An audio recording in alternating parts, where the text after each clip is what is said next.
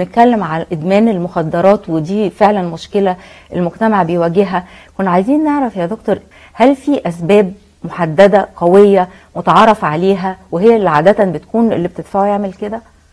وفي كان آه، ناس رسمت رسمة جميلة بتتكلم على إن الإدمان ده زي الشجرة. أيوه. ليها جذور أيوة. في الأرض وليها فروع. آه. اللي إحنا بنشوفه آه، قدامنا ده ال- الجذع بتاع الإدمان والفروع بتاعته المختلفة بكل أنواعه. لكن الجذور اللي ضاربة من تحت ده الأمر اللي إحنا يمكن كتير مش بندور عليه. في حاجات كتيرة بت- بتدفع الشخص ناحية الإدمان. لكن كل آدم فينا كل إنسان رجل أو امرأة عايش وحده بيبتدي يكابد مشاعره الكتيرة الحزينة المؤلمة وحده. أيوه. مشكلة الإنسان اللي قاعد وحده إنه ما بيفضفضش. أيوه. جزء كبير من إن إحنا نخرج من الأزمات بتاعتنا إن إحنا نتكلم.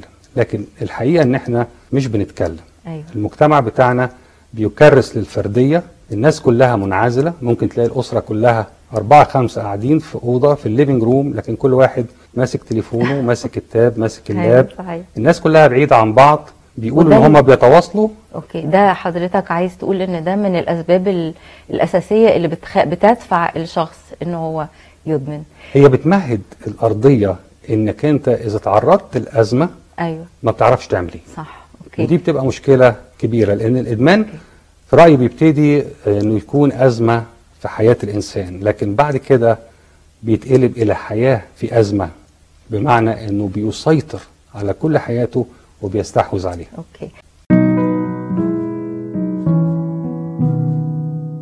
كآباء وأمهات إزاي نساعد ولادنا أو نقيهم من إنهم يقعوا في حاجة زي كده. الإدمان بيقدم أيا كان اللي بيقدمه موضوع الإدمان بيقدم جزء نوع من أنواع تسديد الاحتياجات لدى الشخص. بمعنى أنا لو شخص حاسس بالوحدة أنا بدور على حاجة تسدد احتياج الوحدة بتاعتي. أنا لو شخص عندي نوع من أنواع الاضطراب أو التعب النفسي أنا بدور على حاجة تسدد لي هذا الاحتياج. أنا لو شخص آه، منهك وعندي مشاكل كتير أنا بدور على حاجة تعمل هذا الأمر. فلو إحنا بندور كأسرة إحنا المفروض نكون إحنا بنسدد احتياجات أولادنا وبندور عليهم أولا بأول.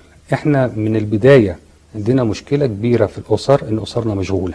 أيوه حقيقي. من أول ما الطفل بيتولد بيتحط قدام التلفزيون. أو ال iPad أو ال iPad دلوقتي. لما بقى فيه iPad ليه؟ لأن الأم مشغولة في جوه البيت الأب مشغول بره البيت وهم عاوزين قدر من الهدوء عشان يقدروا ينجزوا أعمالهم ويسددوا احتياجات الأسرة من مأكل ومشرب وكل هذه الأمور. لكن فعليا اللي بيحصل إيه؟ إن بيبتدي الولد ينعزل شيئا فشيئا ويبتدي يتشكل جواه احتياجات غير مسددة. احتياج للحب احتياج للتعاطف احتياج لل للتفهم احتياج للتواصل احتياج للكلام. والكلام ده كله مش هنلاقيه ابدا لا في تلفزيون ولا في آيباد. يعني ساعات مثلا الأمهات تيجي تشتكي تقول إحنا حاطين الولد قدام برامج آه، مفيدة جدا في التلفزيون أو حاطينه قدام الكمبيوتر قدام برامج مفيدة جدا بتعلمه حاجات معينة. هي مش فكرة المحتوى. أيوه. مش التلفزيون بيقدم إيه هي فكرة القعدة. أيوه. هذه العزلة اللي بتحط الولد قدام التلفزيون وبتقول له أنت وحدك. أيوه. آه. وبيبتدي هو من البداية وهو وحده يمشي مسيرة الوحدة بتاعته.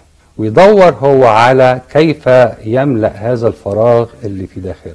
بعض الولاد بيسددوه بالواتساب بعض الولاد بيسددوه بالفيس بعض الولاد بيسددوه بالبورنو بعض الولاد بيسددوه بعلاقات بينهم وبين بعض وبالذات بعد ما أصبح التواصل سهل.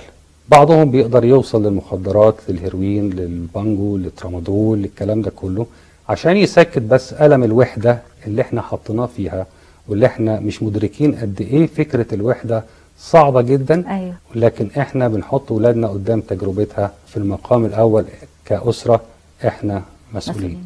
وعلى فكرة الوحدة مش وحدة ال ال الأوضة يعني مش معناها إن أنا قاعد لوحدي لكن الوحدة معناها العزلة. أيوه. ممكن نكون كلنا قاعدين مع بعض أيوه. لكن كلنا وحيدين آه. جوه آه. آه، مشاعرنا. أه.